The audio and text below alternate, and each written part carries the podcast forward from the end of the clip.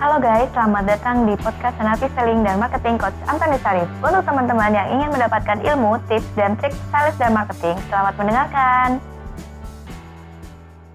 Halo Coach Arif, kabar baik luar biasa. Coach Arif gimana kabarnya? Baik, baik bro, baik bro.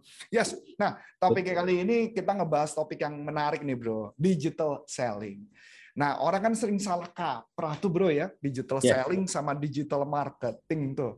Nah, sebenarnya makhluk apa sih digital selling dan kenapa bukan sama dengan digital marketing? Boleh di-sharingkan?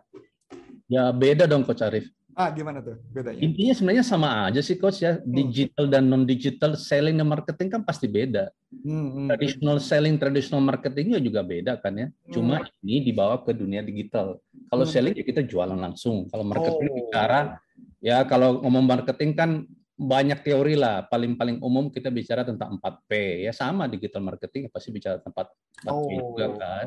Nah, hmm. kalau digital selling kita bicara langsung nih jualannya. Kalau marketing kan macam-macam lah, strategi segala macam. Ya pada prinsipnya sih sama aja sih perbedaannya. Cuma digital selling ya dibawa ke dunia digital atau dunia virtual. Gitu aja sih, Coach. Jadi pengertiannya adalah selling digital selling itu artinya fokusnya ke dunia penjualan. Yes. Selling. Uh, selling. Oke. Okay. So channel-channel apa aja yang dipakai tuh ya? Channel semuanya karena namanya digital selling, channelnya channel digital dong. Sosial hmm. media terutama ya. Hmm. Dan utamanya sosial media. Sosial media itu kan sekarang luas banget ya. ya Apalagi ya. Uh, di zaman pandemi seperti begini, kita kan nggak bisa keluar. Kita nggak bisa uh, selling secara fisik keluar rumah. Bukan nggak bisa sih. Kalau mau mah bisa aja. Cuma resiko naik ya kan. Harus prokes, harus apa kita mau keluar pun juga yang mau kita jualkan juga belum tentu ada di luar karena mereka takut kan gitu. Nah, tapi kan hidup life goes on. Kalau kita nggak jualan nggak nggak nggak ada ini loh, nggak ada itu itu. Nggak ada cinta ya, nggak ada cinta, nggak ada cinta ya. Iya, nggak ada cinta gitu ya cinta. Nah, gitu. Jadi ya harus harus menyesuaikan lah dengan uh, kondisi pandemi gini. Ya jualan keluar in personnya terhalang ya kita carilah jual keluarnya tanda kutip keluarnya secara digital atau secara virtual. Nah, yang paling umum sekarang tentu saja sosial media gitu. Hmm. Yang paling umum ya itu. Jadi paling umum adalah sosial media. Jadi yes. gitu ya. Nah, terus kemudian uh, itu tujuannya sampai berhasil ketemu orang gitu ya. Tujuannya uh, paling ideal digital selling itu bisa closing tanpa ketemu. Paling ideal. Wow nice paling nice. ideal. Hmm, hmm, hmm. cuman uh, pengalaman saya sih selama ini orangnya yang belum terbiasa. Prospeknya yang belum terbiasa. Merasa apa ya ada ada ada jenjang lah ada ketemu. barrier ya. Yes ada jenjang lah. Ya ada jenjang. tergantung produk ya tergantung produk dan jasa. Biasanya kalau cuma kirim kiriman barang aja sih aman-aman aja itu. Intinya uh, apa barang diterima ya udah dan tidak ketemu pun nggak apa-apa. Contoh paling hmm. umum ya ya namanya marketplace ya. Marketplace itu juga digital selling juga sebenarnya. Ya kan jualan mengenai marketplace Topet boleh sebut merek boleh nggak apa-apa nggak apa biar, biar nanti kita disponsori oleh kan gitu. Nah, siapa tahu siapa tahu pihak mereka dengar mau disponsori ya. Ya. Nah, Topet Shopee itu kan sebenarnya digital selling juga. Ya, nah, ya kan ya, marketplace ya. gitu kan Nah, kalau kayak barang gitu mungkin tanpa ketemu sama sekali, bahkan tanpa tatap muka pun bisa. Tapi kan nggak semua barang, ada jasa. Nah, kalau jasa kan biasanya uh, diperlukan kontrak. Nah, apakah prospeknya nyaman tanda tangan kontrak tanpa ketemu orangnya? Ya tergantung orangnya gitu. Karena sekarang inovasi demi inovasi juga perusahaan-perusahaan juga uh, memberikan yang terbaru. Contoh tanda tangan tanpa dengan jarak jauh. Banyak tuh tanda tangan digital yang sudah di akui secara hukum. Nah, itu contoh-contoh lah secara detailnya. Tapi digital sellingnya intinya ya bagaimana kita uh, idealnya bisa sampai closing tanpa ketemu face to face. Idealnya. Gitu. Nah, kalau ketika kita bicara digital selling ya, ini profesi sales yang seperti apa yang cocok nih? Sales yang mau duit. sales yang mau duit, oke, okay, oke. Okay. Iyalah, semua semua sales yang yang ingin jualan di zaman pandemi ini menurut saya sih perlu belajar digital selling gitu. Hmm. Tergantung produknya menurut saya sih tidak ada halangan untuk menjual digital selling. Cuma beda produk mungkin tidak bisa sampai semuanya closing secara digital mungkin. Ada produk-produk atau jasa tertentu tahap-tahap tahap-tahap awal melalui digital oke, okay, tapi mau ngomong akhirnya closingnya mungkin harus ketemu misalnya. Itu aja mungkin jangkauan jangkauan prosesnya aja berbeda. Tapi kalau menurut pandangan saya sih hampir semua produk bisa lah bisa dilakukan digital sellingnya. B2B bisa? Mestinya bisa. Hmm. Cuma lebih panjang prosesnya. B2B bisa uh, mungkin yang menjadi warning B2G mungkin ya. B2G, oke. Okay. Hmm. Government hmm. yang agak relatif lebih sulit. Yes, B2G yang lebih serius karena government kan, uh, ya tahulah dunia government pasti harus face to face, harus pendekatan, banyak layer-layernya yang perlu di. Kalau B2B mestinya bisa. Oke. Okay, Cuma mungkin lebih panjang aja prosesnya. Oke. Okay. Nah, pertanyaan saya adalah, ketika misalkan kita bicara mengenai B2B, ya bicara mengenai B2B, apa yang harus dilakukan seorang sales? Jadi tahap-tahap apa saja yang harus dilakukan seorang sales supaya bisa terjadi sebuah proses minimal proses bertemu dulu lah. Yang pertama mungkin dia dia harus eh, tahap pertama harus cari informasi ya yang paling penting ya. Terus informasi apa? Banyak sih. Dia harus cari informasi tentang perusahaan tersebut ya, apa kebutuhan mereka, paling utama kebutuhan mereka ya. Mencari Setelah, di mana tuh ya? Mencari di mana? Oh banyak. Kalau perusahaan justru mungkin paling gampang di uh, digital sellingnya. Lebih hmm. gampang kita mencari informasi tentang perusahaan daripada tentang uh, seorang pribadi gitu di, hmm. hmm, hmm. di secara digital. Minimal kan paling pertama ya websitenya pasti. Oke, okay. website, oke. Okay. Website, uh, LinkedIn. LinkedIn. Okay. Dari website kan kita bisa tahu tuh. Dari LinkedIn kita bisa juga tahu. Kalau kalau tentang uh, company profile pasti dari dari website. Gitu website gitu. betul. Semua ada, ya kan? Nah, yang untuk lebih detailnya kan kita perlu tahu nih, misalnya siapa manajernya, siapa purchasing-nya, siapa human resource-nya. Nah, itu biasanya ke LinkedIn. Oh, jadi fungsi LinkedIn itu kita mencari kontak person-nya gitu ya, bukan betul, jabatan betul. tapi namanya bahkan ya. Betul, kebanyakan wow, okay. harusnya perusahaan-perusahaan itu uh, sorry, bukan perusahaan, harusnya orang-orang key person-nya itu pasti ada di di, di LinkedIn karena mereka seharusnya juga, ya, seharusnya. Ya, karena orang uh, profesional-profesional kan butuh me me meluaskan networkingnya. Network. Hmm, jadi biasanya pasti ada di LinkedIn gitu. Nah dari situlah dapat informasi nama, kontak person, bahkan bisa langsung aja kontak via LinkedIn kan bisa tuh. Kalau dapat kan hmm. bisa bisa message di LinkedIn, uh, bahkan uh, bisa vid, uh, leave video message atau uh, voice voicemail di LinkedIn juga bisa. Gitu. Jadi meninggalkan pesan di LinkedIn juga bisa. Cuma kan gitu. kalau masuk ke LinkedIn kadang-kadang ya kita ketika kita chatting kepada orangnya itu kan nggak dijawab kan, coach. Jadi apa yang harus dilakukan sebenarnya ya? Nah itu jangan langsung jualan. Hmm. Tadi saya saya katakan harus cari tahu kebutuhannya dulu, ya kan? Cari cara tahu mencarinya, cara mencarinya tadi selain database, oke. Okay, terus? Sorry coach apa? Tadi mencari berdasarkan data hmm. apa mencari hmm. tentang informasi problem mereka di website, kemudian di hmm. LinkedIn dan sebagainya. Nah, tetapi kan ketika kita message apa pun kebanyakan mereka tidak menjawab kan? Oh ya.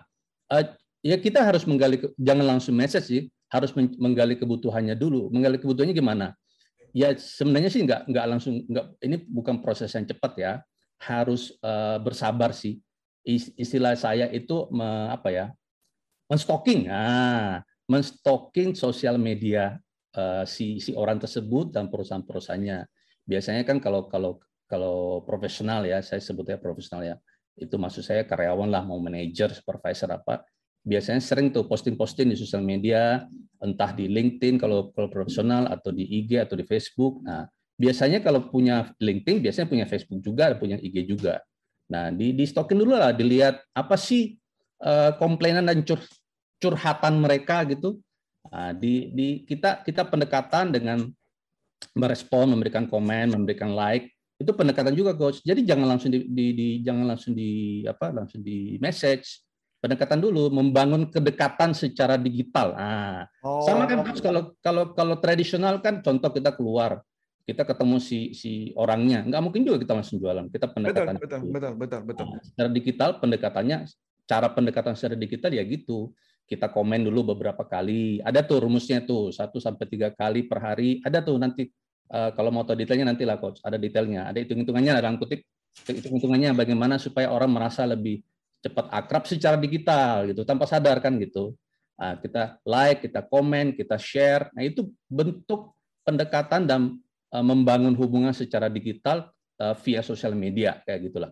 Oh jadi nggak boleh langsung ke direct message, no gitu ya? Ya boleh aja tapi ditolak, dicuekin oh, pasti. Iya, iya betul juga. Ya boleh juga ya, tapi ditolak ya. Itu aja. Resiko tanggung Cuma, sendiri ya. Iya resiko tanggung sendiri. Silahkan mencoba gitu. Ya eh, karena mungkin adalah satu di antara seribu hoki-hokian dibales gitu. Ya ya ya betul betul betul. Ya cuman kalau hidup kita cuma main hoki-hokian kayaknya problem ya. Ya ini ada science ya, selling itu cintanya. nggak ada cintanya, nggak ada cintanya. Jadi cinta ya, itu gitu. dengan like dan komen dan share baru terjadi oh. hubungan yang akrab. Oke, setelah misalkan terjalin hubungan nih, udah terjalin hubungan yang akrab, bagaimana kita tahu bahwa kita sudah mulai terjalin hubungan yang akrab tuh coach? Kalau dia udah merespon, hmm. biasanya awal-awal kita like, kita komen, misalnya nih dia misalnya uh, posting sesuatu, kita like terus, wow keren ya, izin share dicuekin. Nggak apa-apa. Santai aja. Terus besok-besok dia posting sesuatu yang lain lagi. Kita like lagi kita komen lagi. Wow setuju. Setuju pak dengan ini. Izin share lagi ya. Nah mulai tuh dilihat ini siapa tahu ya? Lihat-lihat kita. Pasti kan dia stalking balik kita nih. Ini siapa nih yang namanya Adi Winata? Siapa sih? Oh ini ini ini ini ini. Oke. Besok kita lakukan yang sama lagi. Lama kelamaan dia akan merasa dia akan teringat oh ada ada satu follower saya bernama Adi Winata yang suka like dan share dan komen hmm. ini kayaknya nggak nggak sopan kalau saya nggak bales kalau nggak saya respon. Thank you ya mulai itu dibalas. Thank you ya atas share-nya. Hmm. Diajak diskusi misalnya. Salah satu trik juga mungkin ditanyain. Dia posisi sesuatu ya kita bertanya lah. Jawab nggak jawab urusan nanti. Hmm. Yang kita bertanya kan kemungkinan dia menjawab misalnya. Kalau dia menjawab ya itu udah mulai berarti sudah ada kedekatan gitu loh. Dia diajak hmm. diskusi segala macam dan terjalinlah interaksi. Nah, kalau dari interaksi berarti sudah sudah mulai terbangun hubungan tuh, gitu. Hmm. Jadi udah mulai ada keagraban terbangun. Dan pertanyaan yang berikutnya adalah apakah metode ini bisa diterapkan ke media sosial kayak Facebook dan Instagram? Apakah cuma hanya LinkedIn saja? Enggak masalah apa-apa channelnya. Hmm. Semuanya sama kan prinsipnya. Semua LinkedIn, eh, Instagram, eh, Facebook semuanya kan ada like, comment dan share. Sama aja, prinsipnya sama sih. IG IG ada ada sama sama okay. like share kan. Hmm. Bahkan TikTok juga sekarang bisa. Prinsipnya sama sih coach. Prinsipnya sama. Prinsipnya sama ya, prosesnya sama ya. Prosesnya sama. Kita Proses sama. kita kita duluan yang reach out lah. Jangan berharap mereka yang ini kan mereka nggak tahu kita. Jadi kita, hmm. jadi kita yang kita yang mentargetkan orangnya kan misalnya si si bapak A nih, oh di, di company ini saya pengen masukkan bapak A ya kita yang duluan like dia lah. Hmm. Nah, pertanyaan yang berikutnya nih, Coach. Misalkan anggaplah saya tahu satu bank adalah PT uh, eh, PT-nya banknya kita udah tahu lah, Bank ABC gitu ya. Kalau ABC kayak merek kecap ya gitu ya. Bank ABC misalnya. Nah, kemudian saya mau mencari kontak person. Saya cara carinya gimana ya di LinkedIn ya? Uh, ketik aja Bank ABC, pasti keluar namanya sih. Hmm. Misalnya kita mau cari siapa? Human resource. Ya udah Bank uh, ABC. Ya, misalkan atau purchasing lah, purchasing, purchasing okay. lah. Bank ABC bagian purchasing. Hmm. Departemen purchasing misalnya. Hmm. Ya, ya tergantung ini juga sih uh, hoki-hokian sebenarnya. Tapi maksud saya jangan berhenti kalau nggak dapat satu kali jangan berhenti. Di Google pun bisa sih. Atau masuk websitenya juga bisa. Sekarang semuanya di, di zaman digital semuanya bisa kita cari lewat Google LinkedIn, Facebook, dikombinasikan sih coach. Pengalaman saya sih nggak ada yang nggak bisa dicari. Kalaupun hari ini nggak dapat, uh, mungkin mungkin saja purchase-nya nggak nggak nggak dapat ya, nggak nggak mungkin saja si bagian purchasing nggak nggak punya LinkedIn. Tapi saya yakin ada ada karyawan di bank ABC itu yang punya LinkedIn. Nah dari karyawan itu kita bisa masuk kan? Oh, iya, misalnya ya kita ya. temukan, misalnya nih kita ketemukan manajer uh, apa misalnya uh, supervisor teller lah misalnya ya kita deketin dia aja dulu yang ada. Dari situ kan biasanya LinkedIn berhubungan. Kalau LinkedIn kan dihubungkan supervisor ini pasti pasti temenan sama teman sekantor dia ya, kan. Betul, betul, betul. Nah, betul. dari situ udah telusurin tuh. Oh, ini, ini, ini. Mungkin belum sampai purchasing, tapi dari situ kalau kita bangun ke akrab sama dia, udah akrab, udah jawab, kita bisa nanya kan, eh, by the way, bagian purchasing bank kamu siapa ya? Gitu. Kan bisa. Ada nggak dari LinkedIn? Nggak ada. Oh, ada nggak di Facebook? Banyak lah, banyak cara lah, coach. Itulah enaknya digital. Dan enaknya digital selling, kita melakukan semua di online. Aman. Ini konsep yang dipakai adalah konsep separation degree ya, six separation degree. Yes. Betul. Jadi bahwa setiap orang itu antara satu sama lain itu cuma jaraknya enam. Enam orang. Kalau di digital kalau nggak salah 2, sekian atau 3, sekian. Hmm. Jadi setelah bukan enam orang tapi tiga orang kita udah connect masuk akal. Betul. Jadi konsepnya dengan cara mencari orang di perusahaan itu dia pasti lebih kenal dibandingkan kita yang dari luar masuk akal. Betul. Masuk akal. Ya. Oke, kelihatannya memang menarik banget ya konsep digital selling ini ya. So uh, biar nggak lama lagi nanti kita akan bahas yang di topik yang kedua ya. Kita topik dua tapi kita akhiri dulu di sini. So buat teman-teman yang ingin tertarik mempelajarinya Anda bisa ikut pelatihannya Selling Insight dan salah satunya pengajarnya adalah Coach Adi Winata. Nanti akan membahas tentang uh, digital selling. So nggak usah lama-lama sampai jumpa nanti di video kedua. Bye bye Nah, untuk teman-teman yang sudah menerangkan, terima kasih ya, dan nantikan podcast selanjutnya.